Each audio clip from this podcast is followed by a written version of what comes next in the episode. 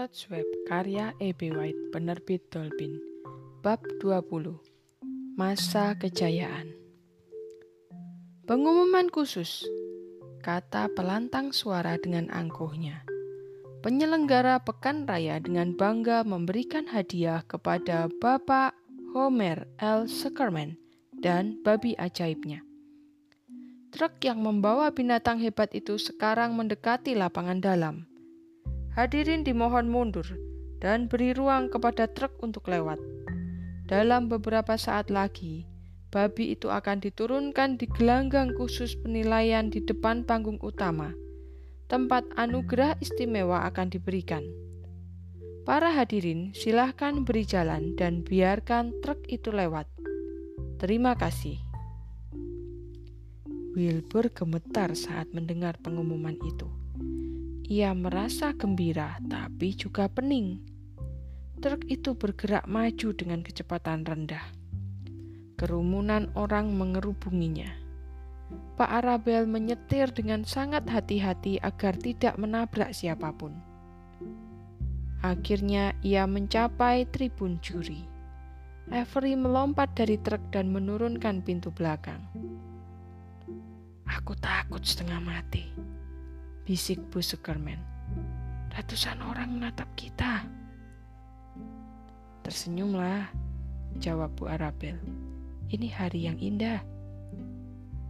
Silahkan turunkan babi Anda, kata pelantang suara. Bersama-sama sekarang, anak-anak, kata Pak Sukerman.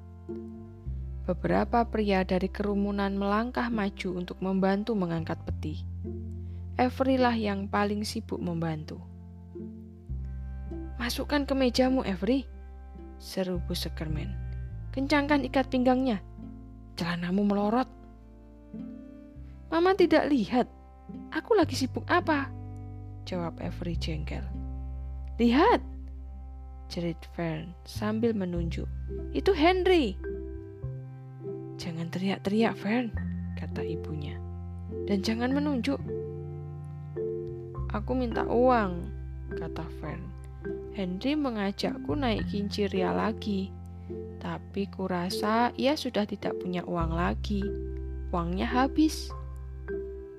Bu Arabel membuka tas tangannya. Ini, katanya. Ini 40 sen. Jangan sampai kesasar. Kembalilah ke tempat biasanya kita berkumpul, di kandang babi, sebentar lagi. Fern berlari sambil merunduk dan meliuk menembus kerumunan mencari Henry. Babi milik Sekerman dikeluarkan dari petinya. Teriakan dari pelantang suara membahana. Sebentar lagi akan ada pengumuman. Dengarkan semua. Templeton merunduk di bawah jerami di dasar peti. Apa-apaan sih ini? Gerutu si tikus. Mau-maunya mendengarkan omong kosong. Di atas kandang babi, Charlotte beristirahat tanpa suara dan sendirian. Dua kaki depannya memeluk kantong telur. Charlotte bisa mendengar semua yang dikatakan melalui pelantang suara. Kata-kata itu membuatnya bersemangat. Inilah masa kejayaan. Ketika Wilbur keluar dari peti, para penonton bertepuk tangan dan berteriak riuh rendah. Pak Sukerman melepas topinya dan membungkukkan badan. Lurvy mengeluarkan sapu tangan besarnya dari saku dan mengelap keringat dari belakang lehernya.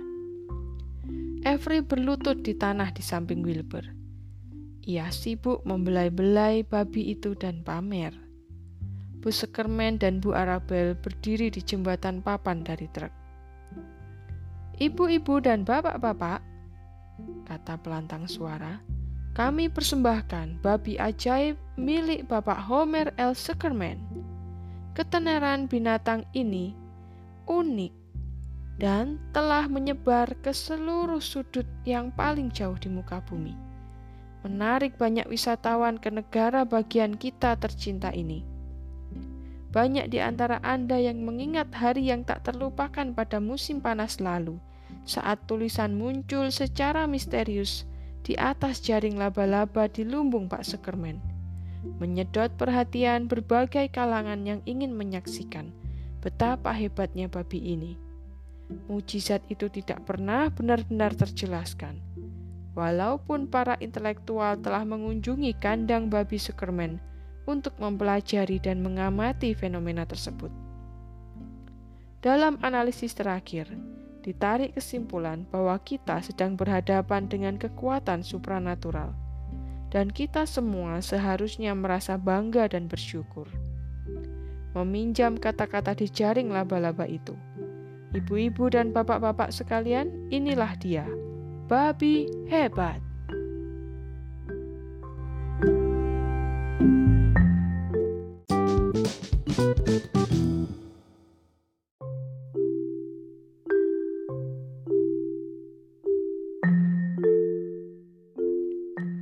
Charlotte Web, karya E.B. White, penerbit Dolphin. Bab 20, bagian kedua.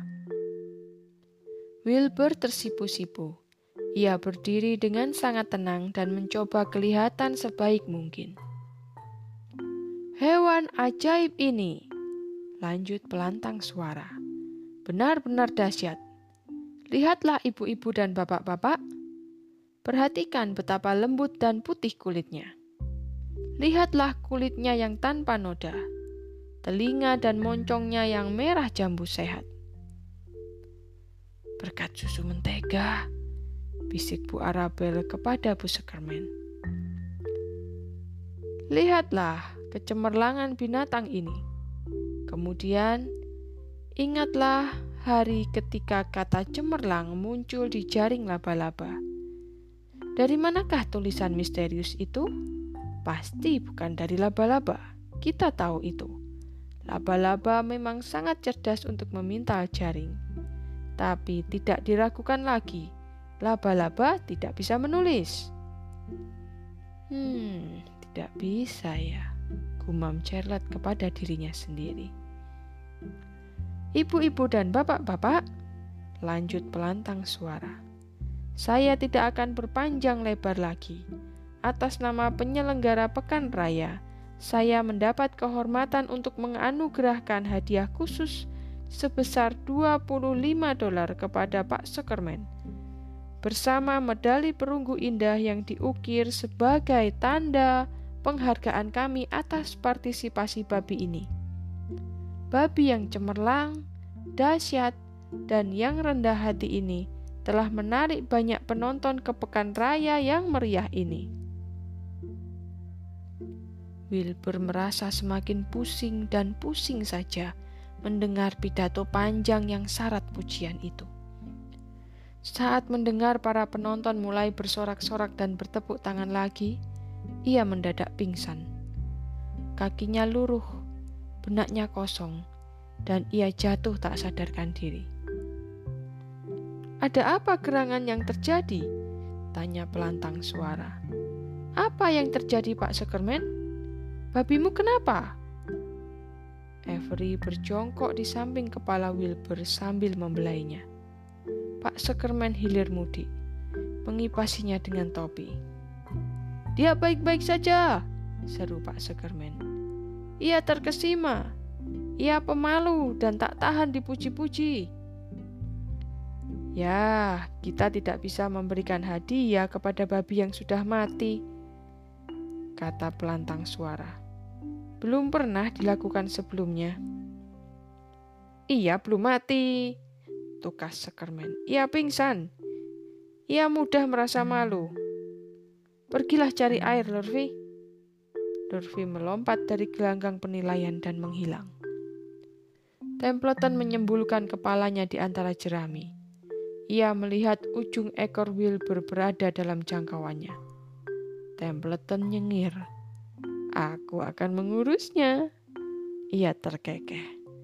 Meraih ekor Wilbur, memasukkan ke mulutnya, lalu menggigitnya sekuat tenaga.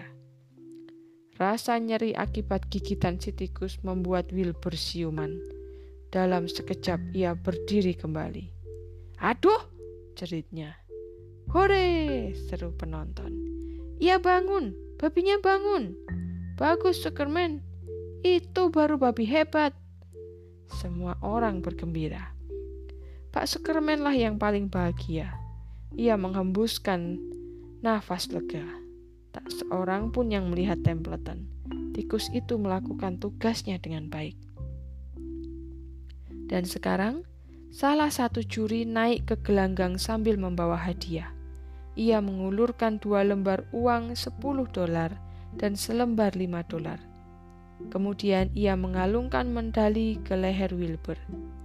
Setelah itu ia berjabat tangan dengan Pak Sekerman. Wajah Wilbur merona. Avery mengacungkan tangan dan juri itu pun menjabat tangannya. Para penonton bersorak seorang tukang foto memfoto Wilbur.